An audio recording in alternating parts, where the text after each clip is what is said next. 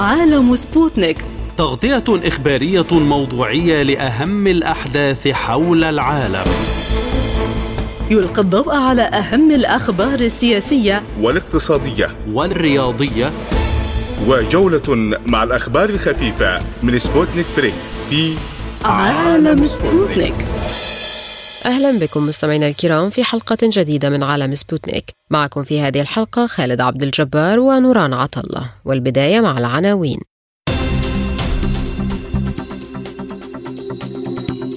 بوتين يقول إن الأزمة في سوق الغذاء العالمية سببها تصرفات الغرب وتلميحات بعدم تمديد صفقة الحبوب. واشنطن ورياض تعلنان عن هدنة مؤقتة ل 72 ساعة في جميع أنحاء السودان. جولة محادثات بين وفدي الحكومة اليمنية وجماعة أنصار الله الحوثية في عمان وأولى رحلة من مطار صنعاء لجدة. في أول زيارة لوزير خارجية سعودي لطهران مع عودة العلاقات دعوة للرئيس الإيراني لزيارة السعودية. واقتصاديا المنظومة الروسية بديلة سويفت يمكنها تعزيز آفاق التعاون بين روسيا والأسيان.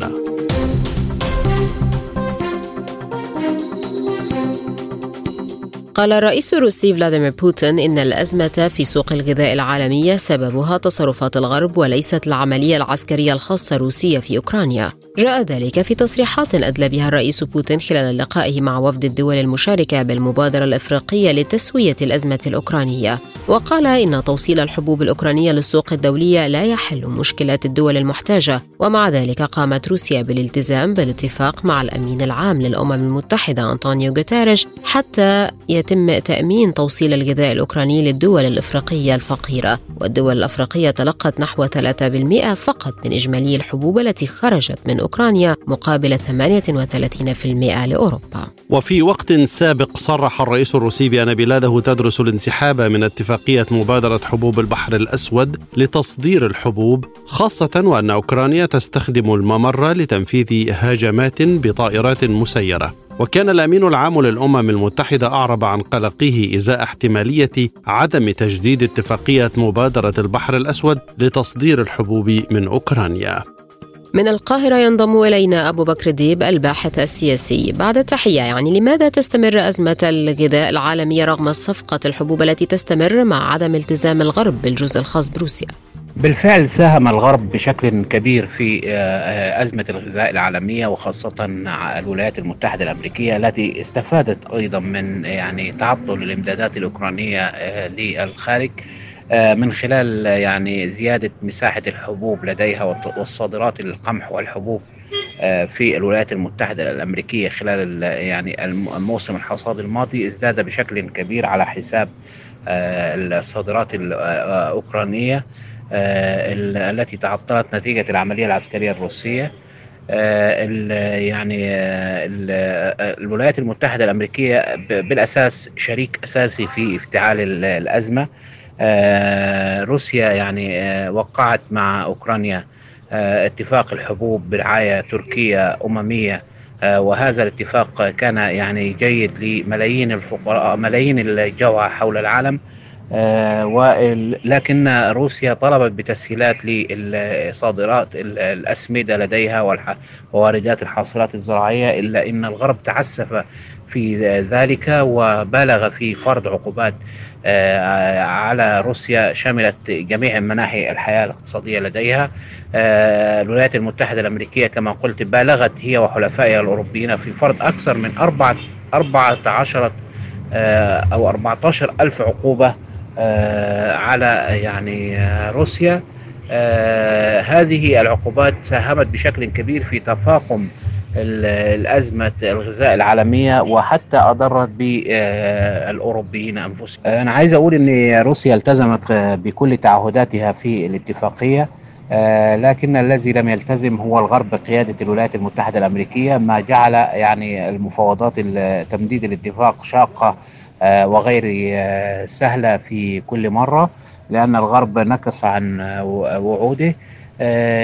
طبعا ال ال هذه الاتفاقية حتى وإن ساهمت في تقليل معدلات الجوع في العالم لكن يعني الكثير من ال ال يعني مواطني العالم والذي قدرتهم الإحصائيات بحوالي 170 مليون مواطن في 42 دولة يقفون على حافة الهاوية إذا تضرر هذا الاتفاق أو وقف يعني العالم يعاني بالأساس من أزمة جوع وهناك أزمات في عديد من الدول ك اليمن على سبيل المثال آه، تعاني وكذلك في الدول الإفريقية تعاني الكثير من شعوبها من مجاعات ويعني أزمات غذائية حادة.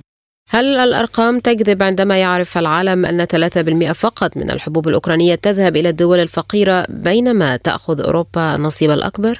للأسف بالفعل 3% فقط من يعني الصادرات الحبوب من أوكرانيا وروسيا تذهب إلى الدول يعني الفقيرة والباقي يستولي عليها الدول الغنية في الاتحاد الأوروبي وكذلك الولايات المتحدة الأمريكية وحلفائهم على مستوى العالم. هناك نظرة يعني غير إنسانية يتبعها الغرب في توزيع الغذاء. وشهدنا هذه الأنانية أيضا في السابق خلال توزيع لقاحات كورونا حيث استولى يعني الغرب والدول الغنية على الكثير من لقاحات كورونا. إذا تم تجميد الصفقة فمن يتضرر أكثر أوروبا أم الدول الفقيرة وأسعار الغذاء ككل؟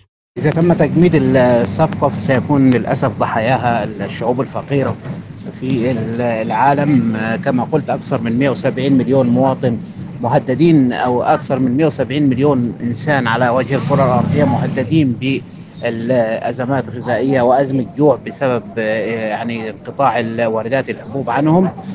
كذلك سيتضرر أيضا الاتحاد الأوروبي من هذه يعني تجميد هذه الصفقة بشكل كبير. أعلنت السعودية والولايات المتحدة الأمريكية عن اتفاق ممثلي القوات المسلحة السودانية وقوات الدعم السريع على وقف إطلاق النار في جميع أنحاء السودان لمدة 72 ساعة. ولفت بيان مشترك نشرته وكالة الأنباء السعودية إلى أن الهدنة ستبدأ من تاريخ الثامن عشر من يونيو وحتى الحادي والعشرين من الشهر نفسه وأضاف أن الطرفين اتفقا على الامتناع عن التحركات والهجمات أو تعزيز المواقع أو إعادة إمداد القوات أو الامتناع عن محاولة تحقيق مكاسب عسكرية أثناء وقف إطلاق النار. كما اتفقا على السماح بحرية الحركة وإيصال المساعدات الإنسانية في جميع أنحاء السودان. وتابع البيان قوله إنه في ضوء مؤتمر المانحين الإنساني المنعقد يوم التاسع عشر من يونيو دعا المسهلان السعودية والولايات المتحدة الطرفين إلى النظر في المعاناة الكبيرة التي يعاني منها الشعب السوداني وضرورة الالتزام التام بوقف إطلاق النار وتوقف حدة العنف. ولفت البيان إلى أنه في حال عدم الالتزام بوقف إطلاق النار لمدة 72 ساعة سيضطر المسهلان إلى النظر في تأجيل محادثات جدة. من القاهرة ينضم إلينا الأستاذ أحمد عزت الكاتب الصحفي. أستاذ أحمد هل هذه الهدنة معنية بالتمهيد لما يسفر عنه مؤتمر المانحين غدا وتقديم المساعدات للسودانيين؟ الحقيقة إن الإعلان كل من الولايات المتحدة الأمريكية والمملكة العربية السعودية عن هدنة جديدة لمدة ثلاثة أيام في آه، السودان آه، أعتقد أنها يعني آه، استجابة للتدهور الواسع والكبير في الوضع الميداني في السودان خصوصا داخل العاصمة الخرطوم وفي إقليم دارفور. خلال اليومين الماضيين تحديدا شهدت الأوضاع الميدانية تصعيدا كبيرا بين الجيش السوداني وقوات الدعم السريع. الأمر الذي يعني آه، اعتبرته آه، يعني آه، جهات عدة سواء الولايات المتحدة أو المملكة العربية السعودية أو الجهات الدولية والمراقبون اعتبروه تصعيد آه، كبير آه، حتى أن عدد الضحايا آه، يعني وصل إلى نحو 20 ضحية معظمهم من النساء والأطفال. أعتقد أن إعلان الهدنة هو يعني استجابة من جانب الجيش السوداني وقوات الدعم السريع للنداءات والمطالب الإقليمية والدولية بضرورة التوصل إلى هدنة مؤقتة يعني تحفظ الدماء ويعني يعني تقلل أو توقف عجلة القتال الدائرة بشكل كبير خلال اليومين الماضيين آه، في آه، العاصمة آه، الخرطوم وإقليم دارفور هل هناك التزام بالهدنة هذه المرة من الطرفين؟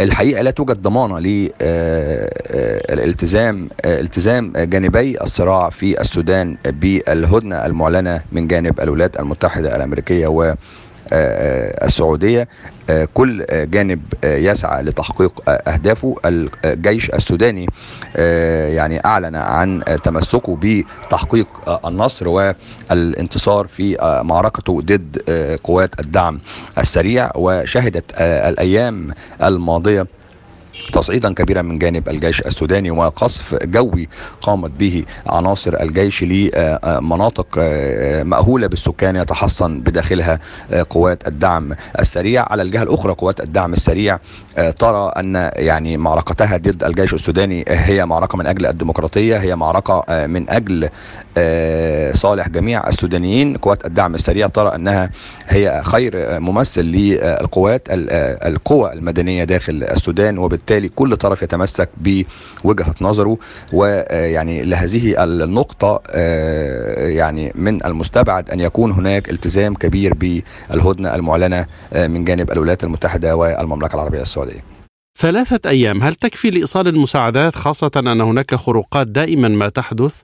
الحقيقة إن المملكة العربية السعودية والولايات المتحدة الأمريكية عندما أعلنت عن يعني التوصل إلى هدنة جديدة بين الجيش السوداني وقوات الدعم السريع يعني هذا جزء من استراتيجية للدولتين يعني من تعتمد على التوصل إلى هدن قصيرة الأجل تتبعها يعني وقف شامل لإطلاق النار ثم مرحلة الترتيبات الأمنية ما بين الجانبين وصولا إلى إطلاق العملية السياسية ما بين الجانبين المتصارعين بالشراكة مع القوى المدنية تحت مظلة الاتفاق الإطاري وبالتالي أرى أن الهدنة المعلنة من جانب الولايات المتحدة والمملكة العربية السعودية هي مجرد تكتيك من جانب الطرفين لي يعني إجبار كل من الجيش السوداني وقوات الدعم السريع على التهدئة وصولا إلى المراحل اللاحقة سواء الوقف الشامل لإطلاق النار أو الترتيبات الأمنية أو إلى الجلوس لمائدة التفاوض ما بين جميع الأطراف في السودان. لكن لماذا لا تذهب الأطراف إلى وقف دائم لإطلاق النار ينهي الأزمة؟ ما هي العراقيل؟ الحقيقة إن ما يمنع الأطراف المتصارعة من الذهاب أو الاتفاق على وقف دائم لإطلاق النار هو تمسك كل طرف بوجهة نظره وتمسك كل طرف بتحقيق أهدافه، كل طرف سواء الجيش السوداني أو قوات الدعم السريع يسعى لتحقيق انتصار على الأرض يعني يساعده على تحقيق أهدافه وطموحاته السياسية، الجيش السوداني يرى أنه هو القوى الشرعية الوحيدة داخل السودان، يرى أن يعني من الصعب القبول فكرة وجود قوات موازية للجيش السوداني. على الجهة الأخرى قوات الدعم السريع ترى أنها محصنة ب القانون والدستور السوداني وأنها جزء من القوات المسلحة السودانية وبالتالي كل طرف يرى أنه على حق وكل طرف يسعى لتحقيق أهدافه السياسية ولكن من خلال القتال وقوه السلاح وبالتالي من يعني الصعب الوصول إلى وقف دائم لإطلاق النار حتى يعني يشعر كل طرف داخل الصراع أن تحقيق هذا الهدف صعب المنال من خلال قوة السلاح. وعند هذه المرحلة قد يضطر الطرفان إلى الجلوس لمائدة التفاوض ويعني ترك المواجهات العسكرية والأقتتال داخل الشارع السوداني. تستضيف العاصمة الأردنية عمان جولة من المحادثات اليمنية بين وفدي الحكومة وجماعة أنصار الله الحوثية بشأن ملف الأسرى والمعتقلين برعاية من الأمم المتحدة. وقد بدأت جولة مشاورات جديدة أعمالها في عمان بين وفدي الحكومة اليمنية والحوثيين برعاية من الأمم المتحدة وستبحث الكشف عن مصير جميع الأسرى والمعتقلين من الجانبين. ويضم الوفد الحكومي خمسة ممثلين ومثلهم من الحوثيين. وكان رئيس الوفد الحكومي في مفاوضات الأسرى العميد يحيى محمد كزمان قال إن جولة المشاورات ستركز على الكشف عن مصير كل المخفيين وعلى رأسهم السياسي محمد قحطان وكذلك من تبقى من المعتقلين والمخفيين قسريا. بدوره قال رئيس وفد الحوثيين المفاوض عبد القادر المرتضى إن هذه الجولة الجديدة من المفاوضات على ملف الأسرى تهدف إلى إيجاد حلول للعوائق والإشكاليات التي حالت دون تنفيذ بقية الاتفاق السابق. في الوقت نفسه أقلعت مساء السبت أولى رحلة مباشرة بين صنعاء والسعودية منذ إغلاق مطار العاصمة اليمنية الخاضع لسيطرة الحوثيين عام 2016 وأفادت مصادر بمطار صنعاء أنه تم التنسيق لأربع رحلات مباشرة إلى السعودية لنقل الحجاج مشيرة إلى أن رحلات العودة ستكون 15 رحلة. من صنعاء ينضم إلينا الدكتور عبد الرحمن راجح أستاذ العلوم السياسية اليمني. دكتور راجح هل هذه المحادثات الجارية في الأردن تختص فقط بملف الأسرى والمعتقلين أم ستتطرق إلى مفاوضات السلام الشاملة؟ آه، المفاوضات آه، أو المحادثات آه، التي تجري في عمان الأردن هي متعلقة بملف الأسرى والمعتقلين. آه، طبعا آه، هذا الملف آه، المعقد واجه صعوبات كبيرة جدا خلال الأيام الماضية. كان هناك اتفاق أو اتفاقات عدة جرت في جنيف وجرت في السويد وفي مناطق أخرى. حول ملف الأسرى لكن آه، تحققت بعضها وكان هناك نجاح كبير جدا حول هذا الموضوع وبعضها أيضا آه، واجه آه، مشاكل. الموضوع الآن هي محادثات نهائية حول موضوع تبادل الكل مقابل الكل. هذه المفاوضات تبادل الكل مع الكل آه، واجهت صعوبات في الآونة الأخيرة حيث قامت آه، جماعة الإخوان المسلمين أو ما يسمى بحزب الإصلاح الحاكمة في محافظة مارب التابعة لحكومة ما يسمى بالشرعية بعرقلة الزيارات. كان آه، تم الاتفاق سابقا أن تكون هناك زيارات مكثفة لكلا الأطراف إلى مناطق السجناء والمعتقلين آه، والأسرى والتأكد منهم. ولكن آه، لم آه، تجري هذه هذه الزيارات مما أدى إلى عرقلة ملف الأسرى وعدم تنفيذ الخطوات الأخيرة للتبادل بشكل كامل. على العموم آه، باعتقادي إنه ملف آه، المحادثات هي فقط حول موضوع الأسرى ولكن أيضا مرتبطة هي بمفاوضات السلام بالتأكيد إذا كان هناك تطور لافت وهناك يعني تقدم في ملف مفاوضات السلام فايضا سيتكون هناك سيكون هناك تقدم كبير جدا في ملف موضوع الأسرى.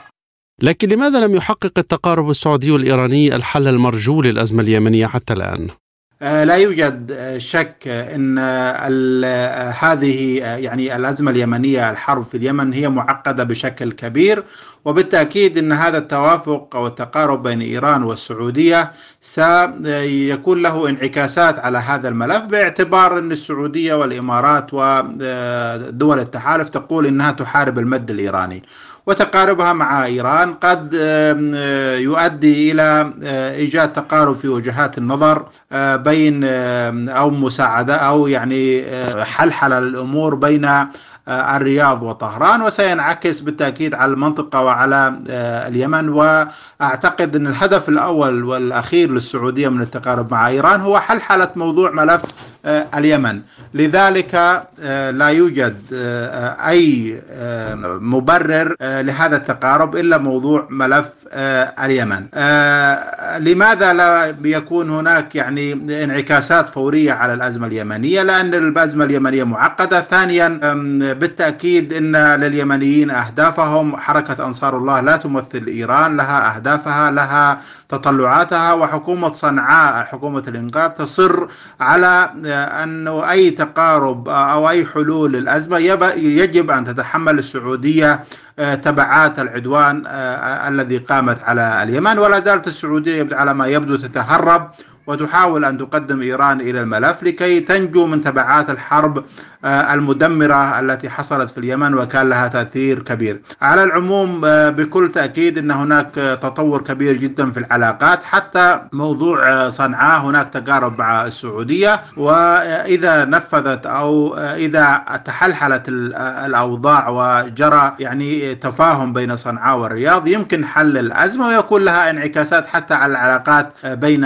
إيران وطهران والعكس أيضا صحيح.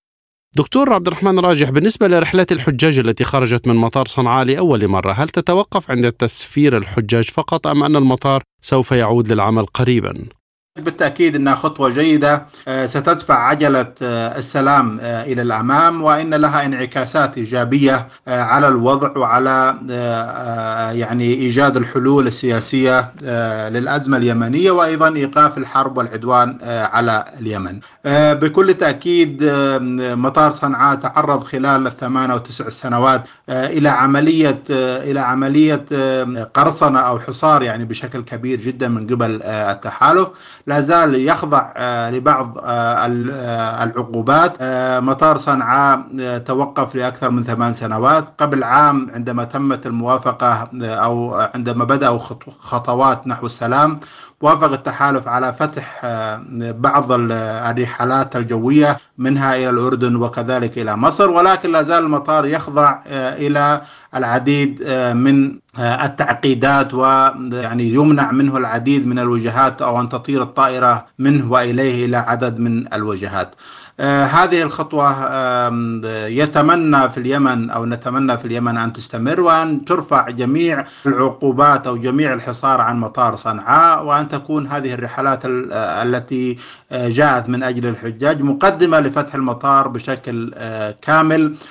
ورفع الحصار عن اليمن. وأعتقد إن السعودية وصلت إلى آه، نقطة آه، يعني مهمة في هذا الموضوع إنه يجب أن ترفع آه، القيود التي فرضها فرضتها على مطار صنعاء لإيجاد أي تطور في الملف السياسي لأنه إذا لم يرفع الحصار ولم تكون هناك خطوات إيجابية من قبل الرياض نحو صنعاء التي تعرضت لعدوان غاشم لأكثر من تسع سنوات فبالتأكيد إن عملية السلام لن تمضي قدما. على كل حال أعتقد إن هذه الخطوة خطوة إيجابية وجيدة ويمكن البناء عليها وإنها ستدفع عملية السلام آه، نحو آه، الأمام. شدد وزير الخارجية السعودي الأمير فيصل بن فرحان خلال مؤتمر صحفي مشترك مع نظيره الإيراني في العاصمة طهران على أهمية التعاون لضمان عدم وجود أسلحة دمار شامل في المنطقة مشيرا إلى أنه سيوجه لرئيس إيران إبراهيم رئيسي دعوة لزيارة السعودية.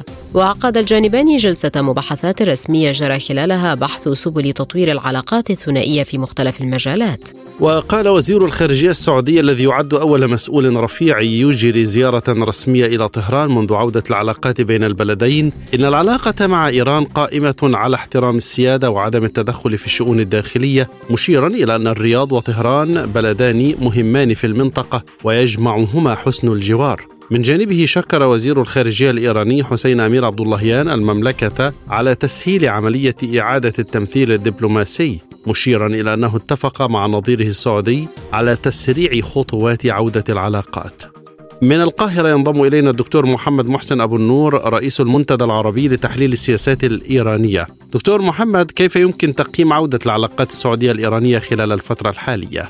آه، فيما يتعلق بتقييم عودة العلاقات السعودية الإيرانية في الفترة الحالية يمكن القول آه، الطرفين السعودي والإيراني شعرا بغياب القوى الكبرى عن الإقليم وبالتالي آه، قيم الموقف في ضوء ضرورة ملء الفراغ الناجم عن الانسحاب أو التراجع الأمريكي من المنطقة والتوجه الأمريكي إلى منطقة أخرى. هي منطقة جنوب شرقية آسيا طبعا للصراع مع الصين فيما يتعلق بمنطقة بحر الصين الجنوبي فيما يتعلق بمضيق تايوان وكل الأمور التي تجري في تلك الكتلة المائية البعيدة جدا عن الشرق الأوسط في هذا العالم. وبالتالي القوى الكبرى في الإقليم ومنها طبعا السعودية وإيران فطنتا إلى ضرورة التهدئة وضرورة ملء الفراغ من خلال تحالفات وتكتلات إقليمية وطبعا تهدئة على المستوى الأمني والاستراتيجي لملء هذا النوع من الفراغ الناجم عن آه، الانسحاب الأمريكي تقريبا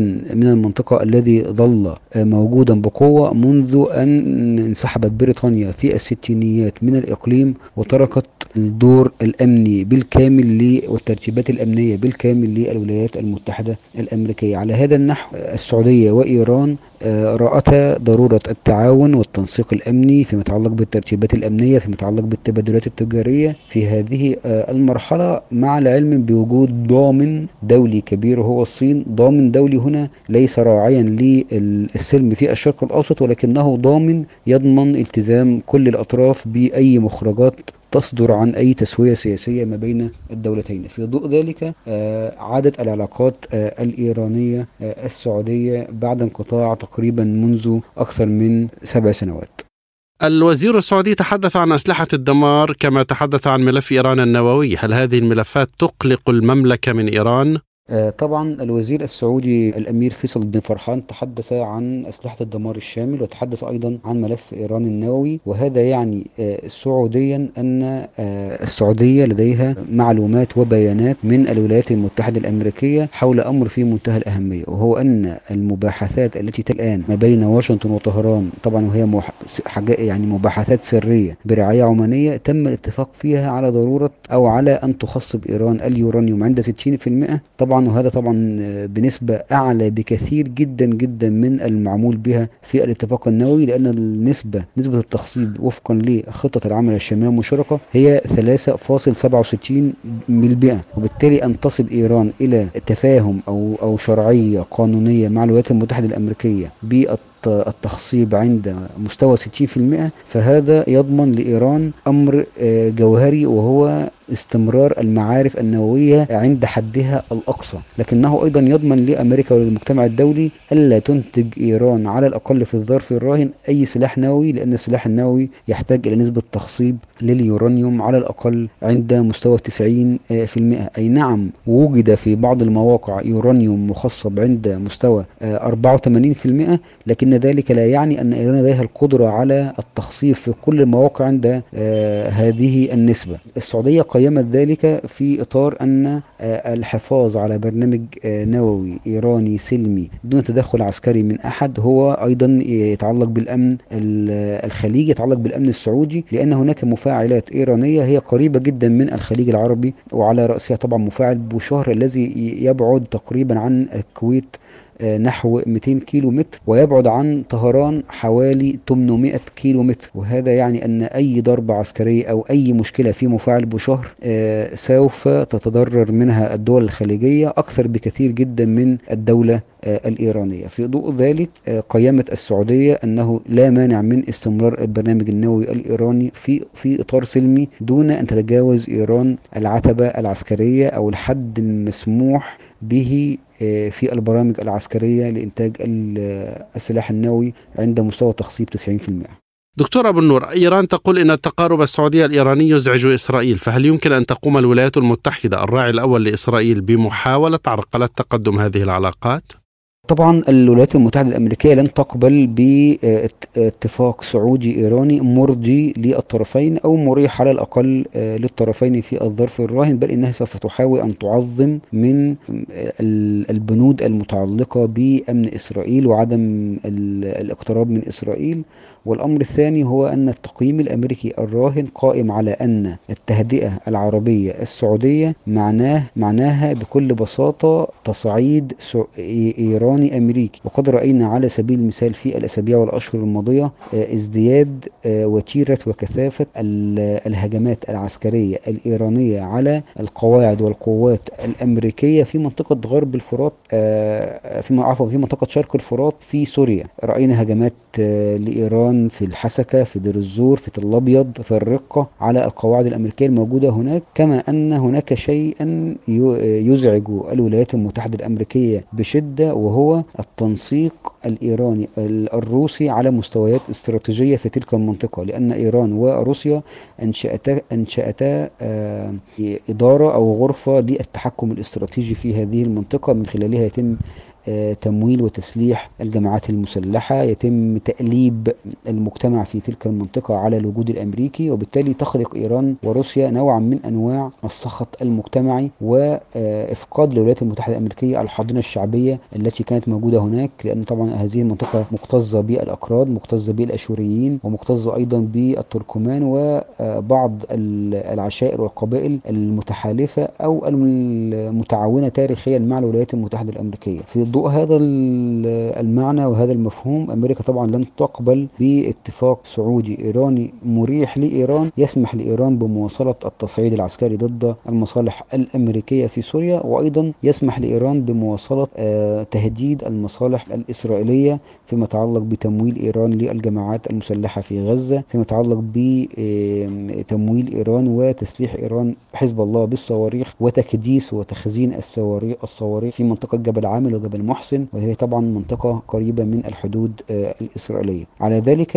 آه، أمريكا لن تقبل طبعا لكن أوراق الضغط الأمريكية الآن أصبحت هينة آه، الدبلوماسية الأمريكية في أدنى مراحلها. بالتالي لا يوجد أمام أمريكا أي خيار آخر سوى فقط الحصول على بعض الشروط التفضيلية من جانب السعودية وهو ما رأيناه في زيارة وزير الخارجية أنتوني بلينكن إلى السعودية الأسبوع الماضي. هذا ما قد تسفر عنه تحركات أمريكا آه، فيما يتعلق بالعلاقات الإيرانية السعودية.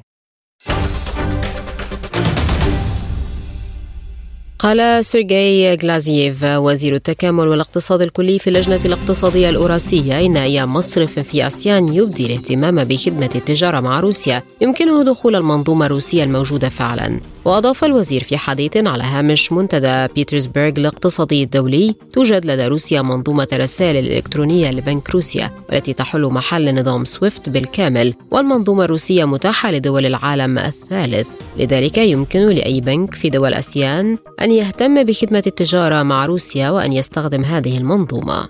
وأضاف الوزير الروسي أنه يجب بناء علاقات مراسلة مباشرة بين البنوك وأضاف أن العملات الوطنية مهمة أيضا وقال إنه يمكننا على سبيل المثال إنشاء بنوك خاصة تعمل فقط بالعملات الوطنية لذلك لن تخشى التعرض للعقوبات الغربية. وأشار الوزير إلى أن مثل هذه الإجراءات نجحت بالفعل في مجال التجارة مع عدد من البلدان. للمزيد ينضم إلينا من بيروت دكتور زينة منصور الباحثة في الشأن الاقتصادي. بعد تحيه ماذا تحتاج الدول لكي تتعامل مع هذه المنظومة الروسية؟ بداية التحية لكم وللمستمعين الكرام. في مستهل الإجابة لابد من الإشارة إلى أن نظام سويفت العالمي هو نظام مالي عالمي للمدفوعات لتمويل التجارة الدولية والعلاقات التجارية البينية بين الدول. أما نظام سويفت الروسي فهو نظام نشأ منذ حوالي الثمانية سنوات منذ أزمة جزيرة القرم وتعرض روسيا كدولة واقتصاد لرزمة من العقوبات العقوبات فقامت روسيا بإنشاء بنية تحتية لا دولارية تقوم على تمويل العلاقات التجارية عبر نظام مالي مستقل تتعاون به مع شركائها التجاريين ومع جيرانها في كل ما يتعلق بوسائل ووسائط التجارة البينية على مستوى الطاقة والمواد الأساسية. والسلع الاستراتيجية. إذا نظام سويفت الروسي الذي يعتبر نظاما بديلا عن نظام سويفت العالمي آه، نشأ بشكل قوي بين روسيا وجيرانها على ضوء العقوبات التي فرضت على روسيا منذ عام 2013 14 وأزمة جزيرة القرم. وبدأ مع كل من الصين بميزان تجاري وتبادل علاقات كبيرة بين الصين وروسيا وبين روسيا والهند وبين روسيا وبقية آه، شركائها الإقليميين في دول المحيطين الهادئ والهندي. فاذا آه هذا النظام آه طبعا يشكل بديلا عن نظام السويفت وهو يقوم بشكل أساسي على تبادل تجاري ضمن البنية التحتية اللا دولاريه التي تتطلب مصارف آه مركزية ومصارف تجارية والبنوك الوسيطة البنوك المركزية والبنوك التجارية والبنوك الوسيطة تعتمد ال system نفسه وهو الذي يقوم على التعاملات اللا دولاريه ضمن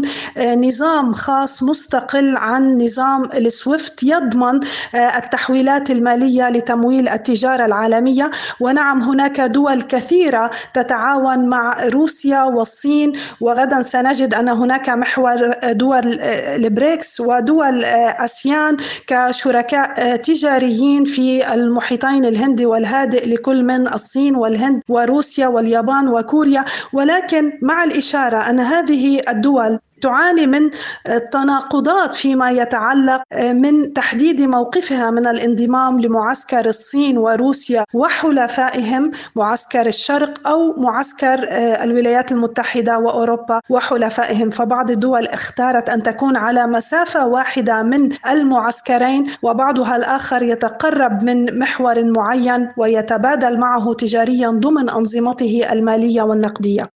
هل هناك دول قامت بالفعل بالتعاون على أساس هذه المنظومة؟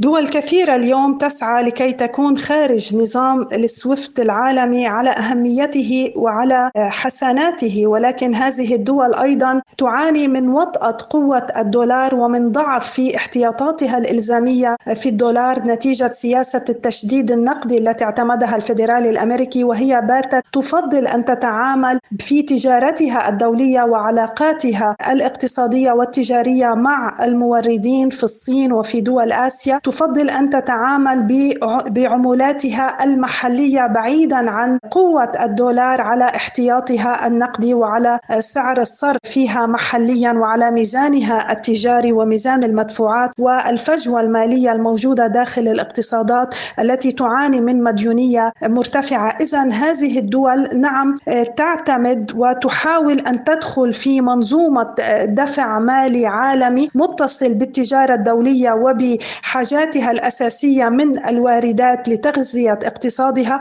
عبر نظام بديل ألا وهو السويفت الروسي الصيني الهندي المتصل في دول آسيا. وتحالفاتها. ولكن هذه الدول التي تحاول أن تهرب من التزامها بالدفع بالدولار ما زالت تقع تحت وطأة الدولار برغم أن هناك تكتل كبير وهو مجموعة البريكس يحاول أيضا أن ينفذ من هذه الهيمنة الدولارية على التجارة العالمية وعلى نظام المدفوعات المالي العالمي لتمويل التجارة العالمية. ولكن حتى الساعة برغم كل هذه الجهود وبرغم رغم أن دول كثيرة في جنوب شرق آسيا آه، وفي دول آسيان التي هي تعتبر منقسمة بين أن تكون على حياد بين المحورين الصيني الأمريكي وبين أن تكون مندفعة باتجاه محور دون آخر منهما. هذه الدول ما زالت تسعى لأن تكون ضمن بنية تحتية لا دولارية في بعض آه، الأماكن من أجل تأمين الموارد الأساسية لاقتصادها من أجل تقدمها ونموها وفي آه، أماكن أخرى تحاول أن تبقى على سياسة مهادنة وعلاقات جيدة وطيبة مع الولايات المتحدة فهي تستمر بإلتزامها بتعاملاتها التجارية ضمن البنية التحتية الدولارية القائمة على تبادل بالدولار ونظام السويفت العالمي. هل هناك حاجة لإنشاء بنوك خاصة تتعامل بالعملات المحلية فقط من أجل تفعيل هذا التعاون البديل لسويفت؟ نظام السويفت الجديد المناقض لنظام السويفت الأوروبي الأمريكي الغربي يتطلب بنية تحتية ينبغي تجهيزها على مدى سنوات وهي فعلا تطلبت قرابة الثماني إلى تسع سنوات مع الجانب الروسي منذ أزمة جزيرة القرم عام 2013 وروسيا عملت بدأب لتجنب الآثار السلبية للعقوبات ورزم العقوبات على اقتصادها. هذه البنية التحتية اللا القائمة على إنشاء نظام مالي عالمي للتحويلات لتمويل التجارة الدولية ومدفوعاتها الفورية بين الدول الدول الشركاء اقتصاديا. طبعا تتطلب تجهيز بنية تحتية على مستوى البنوك المركزية والبنوك التجارية والبنوك الوسيطة والاحتياطات النقدية بالعملات المحلية. ولكن تجدر الإشارة أن نظام التحويلات الرديف على أهميته وعلى ضرورة وجوده من أجل آه، تخفيف الكلفة الدولارية على الدول النامية خصوصا بين الشركاء التجاريين الذين ينتمون إلى إقليم واحد أو رابطة جغرافية واحدة والتي يسهل فيها التبادل التجاري بينهما على المستوى اللوجستي والنقدي. لابد من الإشارة أن هذه التبادلات التجارية ما زالت آه، محدودة الحجم برغم توسعها وبرغم كل المحاولات التي تسعى التحالفات الإقليمية والتحالفات الاقتصادية السياسية والمالية الناشئة من أجل إرساء توازن ما بين البنية التحتية الدولارية التي تتحكم بالتجارة الدولية والاقتصاد العالمي وما بين بنية تحتية معاكسة لا دولارية قائمة على نظام سويفت جديد آه، للتحويلات والمدفوعات. آه، هذه الانتقال هذا الانتقال وهذه النقلة النوعية الماليه والنقدية والتجارية على مستوى التجارة العالمية لا تزال تتطلب مسافة من الزمن لكي تعادل آه، الكتلة التجارية النقدية التي تقوم على نظام السويفت إلا أنها لا شك يسجل نقطة مميزة أن النظام الاقتصادي المالي النقدي الروسي نجح عبر سنوات من تمهيد البنية التحتية في مقاومة أقصى عقوبات اقتصادية غير مسبوقة بالتاريخ نجح الاقتصاد الروسي بتجاوزها، أما بقية دول العالم فهي على الأقل تحتاج إلى سبع سنوات أو عقد من الزمن كي تتمكن من بناء بنية تحتية لا دولارية كما فعلت روسيا وجارتيها الصين والهند. عالم سبوتنيك مستمر معكم وهذه جولة من الأخبار حول العالم صرح رئيس المركز الصحفي لقوات مجموعة زاباد العقيد سيرجي زيبينسكي بأن الطيران الروسي في محور كوبيانسك قصف تجمعا من القوى البشرية والآلية للقوات الأوكرانية بثماني ضربات صاروخية وقنابل. وقال زيبينسكي طواقم مروحيات كا 52 ومي 28 ومقاتلة سو 25 الهجومية قامت بثمان ضربات صاروخية وقنابل على تجمع للقوات والأسلحة والمعدات العسكرية الأوكرانية للواء الميكانيكي المنفصل الرابع عشر ولواء الدفاع المنفصل رقم 103 بالإضافة إلى ذلك أشار الضابط الروسي إلى أنه في سياق الأعمال القتالية على محور كوبيانسك وجهت القوات الصاروخية لمجموعة قوات زاباد من راجمات الصواريخ تورنادو إس ضربة لحشد في منطقة قرية ستاروفيروفكا من القوات والأسلحة والمعدات العسكرية والخاصة للواء الآلي الرابع عشر المنفصل. وقال رئيس المركز الصحفي أنه في منطقة دفاع جيش الدبابات الأول الروسي اكتشفت مجموعة قوات مدفعية ودمرت مجموعة تخريبية واستطلاعية من اللواء الميكانيكي الأوكراني المنفصل رقم 32 كما أحبطت ثلاث محاولات لإجراء عملية تناوب لوحدات من القوات المسلحة الأوكرانية توجد في مقدمة الجبهة في منطقتي ستيلماخوفا وبيرستوفويه. دعت الأمم المتحدة إلى محاسبة المسؤولين عن قتل والي غرب دارفور في السودان وقالت إن قوات الدعم السريع التي كانت تحتجزه كانت مسؤولة عن سلامته. وقال المتحدث باسم المفوضية السامية لحقوق الإنسان جيرمي لورنس للصحفيين في جنيف يجب محاسبة جميع المسؤولين عن عملية القتل هذه بمن فيهم أولئك الذين يتولون مسؤولية القيادة. واندلع النزاع في السودان في الخامس عشر من أبريل بين الجيش بقيادة عبد الفتاح البرهان وقوات الدعم السريع بقيادة دقلو وتسبب النزاع في سقوط أكثر من ألفي شخص ونزوح مليوني ومئتي ألف شخص من ديارهم. بينهم 528 ألف فروا إلى دول مجاورة بحسب المنظمة الدولية للهجرة. أكدت المتحدثة باسم وزارة الخارجية الصينية هوا تشونيانغ أنه في حال اندلع صراع عسكري بين بكين وواشنطن فستكون الاستفزازات الأمريكية هي السبب الرئيسي. وقالت تشون يونغ تعليقا على مقال نشرته وكالة بلومبيرغ الأمريكية حول أنشطة استفزازية مزعومة يقوم بها الجيش الصيني إنه في حال اندلاع صراع عسكري بين الولايات المتحدة والصين فسيكون سببه أنشطة الجيش الأمريكي بالقرب من الأراضي الصينية. وأضافت هوا تشون يونغ أن الصين تعتقد أن طياريها وقائدي سفنها الشجعان يمكنهم إبعاد القوات الأمريكية عن سواحلها بمناورات محفوفة بالمخاطر لكن القوات الأمريكية لن يروق لها ما سيحدث إذا ذهبت بعيدا. وتابعت قائلة بالنسبة للعديد من القراء الصينيين يعد هذا المقال ابتزازا وقد يحتاج المؤلف والمحرر إلى دروس في التاريخ والجغرافيا.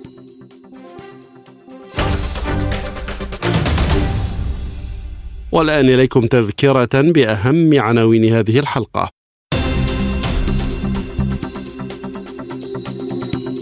بوتين يقول إن الأزمة في سوق الغذاء العالمية سببها تصرفات الغرب وتلميحات بعدم تمديد صفقة الحبوب. واشنطن والرياض تعلنان عن هدنة مؤقتة ل 72 ساعة في جميع أنحاء السودان. جولة محادثات بين وفدي الحكومة اليمنية وجماعة أنصار الله الحوثية في عمان وأولى رحلة من مطار صنعاء لجدة. في أول زيارة لوزير خارجية سعودي لطهران مع عودة العلاقات دعوة للرئيس الإيراني لزيارة السعودية. واقتصاديا المنظومة الروسية بديلة سويفت يمكنها تعزيز آفاق التعاون بين روسيا والأسيان. الآن مستمعينا الكرام معكم عبد الله حميد في أخبار الاقتصاد.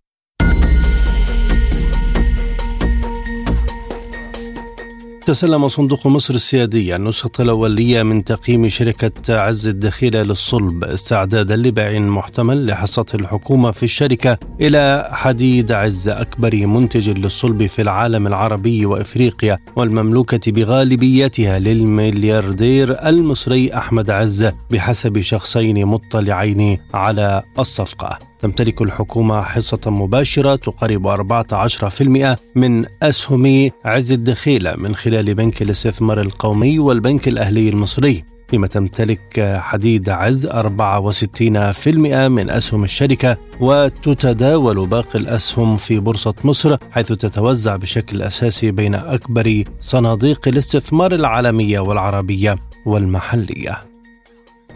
قال وزير خارجية تايوان جوزيف غو خلال زيارة لأوروبا إنه على الدول الأوروبية تعزيز العلاقات مع تايوان إذا كانت ترغب في استمرار الاستثمار التايواني في إنتاج أشباه الموصلات. ويتعين أن توافق الحكومة التايوانية على الاستثمارات الخارجية التي تقوم بها شركة تايوان لصناعة أشباه الموصلات أكبر شركة لتصنيع الرقائق في العالم وعلى الخطط الرامية لإنشاء مصنع في ألمانيا. وأوضح أن الحكومة لن تضع شروطا على الاستثمارات من قبل شركة تايوان لصناعة أشباه الموصلات وأن الأمر متروك للشركة لتحديد ما إذا كان المشروع سيدر ربحا. وقال أن تايوان لن تمنع الاستثمار في أوروبا لكن على الدولة التي تحتاج إلى المساعدة التايوانية أن تنظر للعلاقات مع تايوان بمنظور أوسع نطاقا. تتوقع شركة بوينغ أن تضيف شركات الطيران العالمية نحو 42595 طائرة بقيمة 8 تريليونات دولار على مدى العقدين المقبلين برغم تأثير المخاوف المرتبطة بتغير المناخ على طريقة السفر. وقال دارين هولست نائب رئيس التسويق في بوينغ إن الإجمالي المتوقع لعمليات تسليم الطائرات الجديدة على مستوى الصناعة خلال العشرين عاما المقبلة يراعي الهجوم المتزايد على انبعاثات الطائرات. ويتوقع هولست انخفاض عدد الرحلات التجارية التي تقل مسافتها عن 500 ميل في ظل حث الحكومات للمستهلكين على التحول نحو وسائل نقل صديقة للبيئة مثل القطارات. في الوقت نفسه سيؤدي عجز شركات الطيران عن إطلاق مزيد من الرحلات الجوية وتحقيق الأرباح من طائراتها إلى تراجع المبيعات. وتقدر بوينغ أن شركات الطيران ستتغلب على هذه العقبة وترفع إنتاجية أساطيلها بنسبة 20% عن طريق الانتقال إلى الطائرات الكبيرة مع إضافة طرازات ذات مقاعد أكثر عددا وتحليق طائراتها لعدد ساعات أطول يومياً. وقعت الشركة العربية لخدمات الإنترنت والاتصالات عرضا ملزما مع شركة Devoteam SAS الفرنسية وشركة أرتل للاستثمار المحدود للاستحواذ على 40% من شركة Devoteam Middle East بقيمة تقديرية 290 مليون درهم إماراتي أي 79 مليون دولار تقريبا. Solutions المدرجة في سوق الأسهم السعودية قالت في بيان أن إفصاح القيمة الإجمالية للشركة المستهدفة بالعرض تصل إلى 726 مليون درهم إماراتي على أساس استبعاد أرصدة النقد والديون. Devoteam Middle East الموجودة في الشرق الأوسط ويقع مقرها الرئيسي في الرياض بحسب موقعها الإلكتروني متخصصة في تقديم خدمات الاستشارات الرقمية والتحول الرقمي وتتركز أعمالها بشكل رئيسي في السعودية.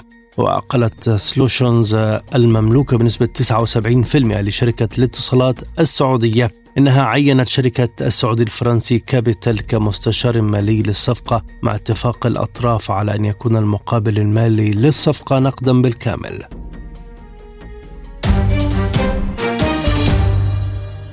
هذه وقفة مع أخبار الرياضة.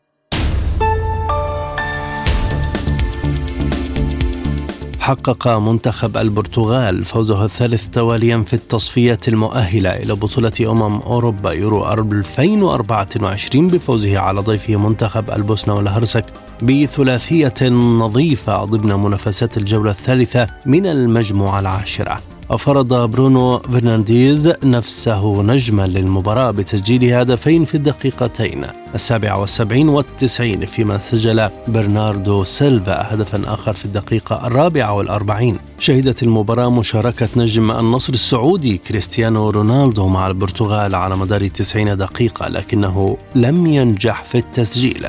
رفع منتخب البرتغال رصيده بهذا الفوز إلى تسع نقاط من ثلاث مباريات. صدارة المجموعة العاشرة بينما تجمد رصيد البوسنة والهرسك عند ثلاث نقاط في المركز الخامس قبل الأخير. تجاوز المنتخب البرازيلي الخسارة التي مني بها على ملعب طنجة أمام المغرب قبل ثلاثة أشهر بتحقيق فوز عريض على غينيا كوناكري بنتيجة 4-1 في مباراة ودية احتضنها ملعب نادي إسبانيول في برشلونة. ارتدى المنتخب البرازيلي اللون الأسود للمرة الأولى في تاريخه الممتد 103 سنوات كنوع من التعبير عن غضبه من الهجمات العنصرية التي تعرض لها مهاجمه الشاب فينيسيوس جونيور. الشهر الماضي خلال مباراة بين ريال مدريد وفالنسيا على ملعب المستايا في الليغا.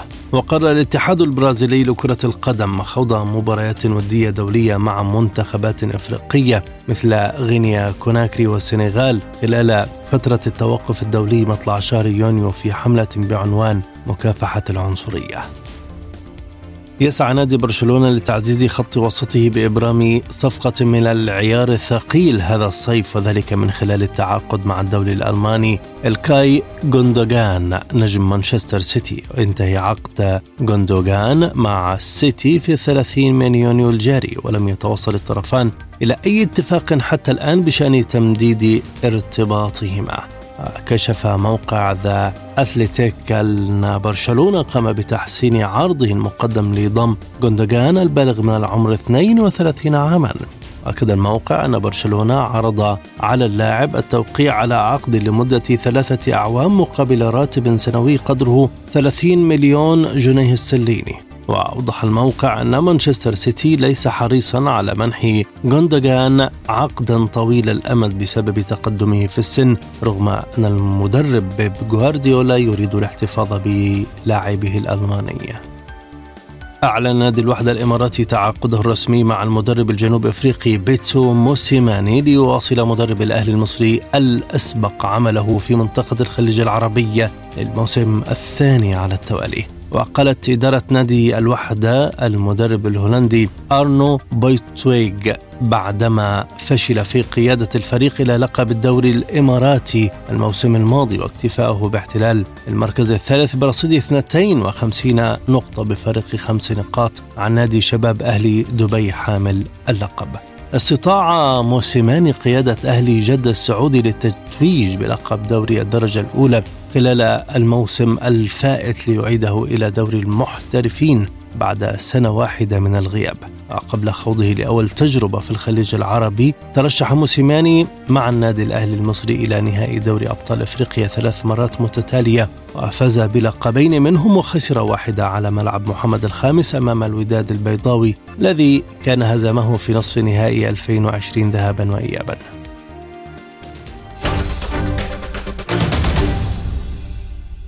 سبوتنيك break والأخبار الخفيفة.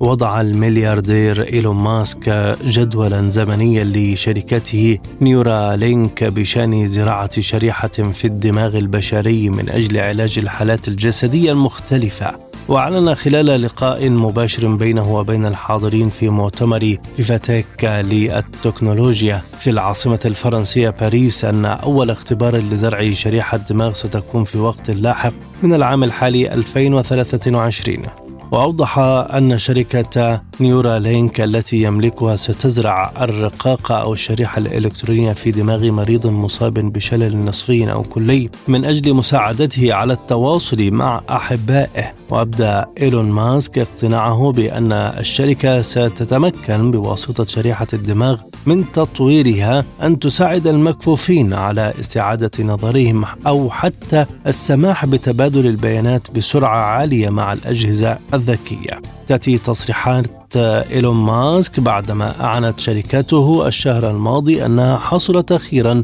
على إذن أمريكي رسمي بإجراء تجارب بشرية.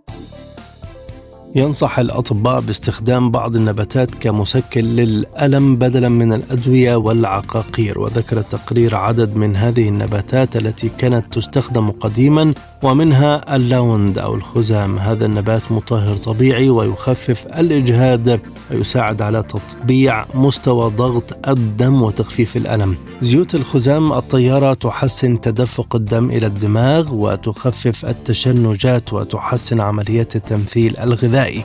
الكركم يبطئ نمو الأورام الخبيثة ويساعد على لأم الجروح وعلاج الحروق وينظف الكبد من السموم وله خصائص مضادة للالتهابات لاحتوائه على مادة الكركمين النشطة بيولوجيا والمضادة للالتهابات. الفلفل الحار يحتوي على مادة الكابسيسين التي لها تأثير مسكن قوي حيث تؤثر في مصدر الألم في الدماغ وتساعد على كبحه. القرنفل بالإضافة إلى رائحته الطيبة له خصائص مضادة للالتهابات والبكتيريا أي أنه دواء طبيعي ليس له أي آثار جانبية. والنعناع له خصائص مضادة للالتهابات ومهدئة كما يساعد على تخفيف الألم. نفت السلطات العراقية أنباء متداولة على مواقع التواصل الاجتماعي تتناول تعرض تابوت مواطنة إلى السرقة واستبداله بكرتون ورقي. وأكدت وزارة النقل العراقية أن ما يتداول بشأن سرقة تابوت جثمان امرأة عراقية توفيت في الولايات المتحدة وتم نقله إلى مطار بغداد الدولي على متن الخطوط الجوية العراقية هو مزاعم لا صحة لها. وأكدت في بيان أن الوثائق التي تحتفظ بها الشركة العامة للخطوط الجوية العراقية والكثير من الأدلة تبين أن الخطوط الجوية العراقية لم تكن هي الناقل للجثمان المذكور. في مقطع الفيديو المتداول وإنما تمت عملية الشحن عن طريق طائرة تركية وتولت أسرة المواطنة الراحلة إسلام نعشها مباشرة من الشحن الجوي. بعد العثور على كنز من 800 ألف بنس معدني في قبو منزل عائلي قديم شرع زوجان في البحث عن بنس واحد تبلغ قيمته اليوم 1.7 مليون دولار لكنهما استلم بعد ساعة واحدة وأدرج أو أدرج العملات للبيع بالكامل مقابل 25 ألف دولار. وكان جون ريس وزوجته يقومان بإخلاء منزل العائلة القديم في لوس أنجلوس. حيث عثر على حوالي 800 ألف بنس نحاسي مخبأة تعود إلى والد زوجة ريس قبل وفاته. وبعد العثور على هذا الكنز اتصل ريس بأقرب فرع لبنك ويلز فارغو لمعرفة ما إذا كان يريد الحصول على هذه البنسات لكن المديرة قالت إنه لا توجد مساحة كافية في الخزنة. وعند سماعها عن حجم الكنز قالت مديرة البنك إنه على الزوجين إجراء مسح للعملات المعدنية حيث من المحتمل أن يكون هناك بنس واحد بقيمة أكثر من مليون دولار. وفور سماعه بذلك قام ريس ببعض الأبحاث وقرر العثور على مثل هذا الكنز لكن الأسرة استسلمت بعد ساعة من البحث في حوالي 300 بنس وعرضت كل العملات للبيع مقابل 25 ألف دولار.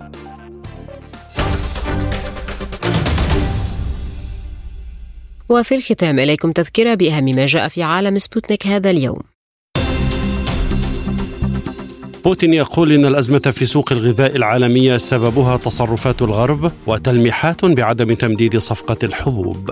واشنطن والرياض تعلنان عن هدنة مؤقتة ل 72 ساعة في جميع أنحاء السودان. جولة محادثات بين وفدي الحكومة اليمنية وجماعة أنصار الله الحوثية في عمان وأولى رحلة من مطار صنعاء لجدة. في أول زيارة لوزير خارجية سعودي لطهران مع عودة العلاقات دعوة للرئيس الإيراني لزيارة السعودية. واقتصاديا المنظومة الروسية بديلة سويفت يمكنها تعزيز آفاق التعاون بين روسيا والأسيان. ورياضيا منتخب البرتغال يتصدر المجموعة العاشرة ويقترب من الصعود إلى بطولة أمم أوروبا بعد فوزه على البوسنة والهرسك. المزيد زوروا موقعنا سبوتنيك إلى اللقاء.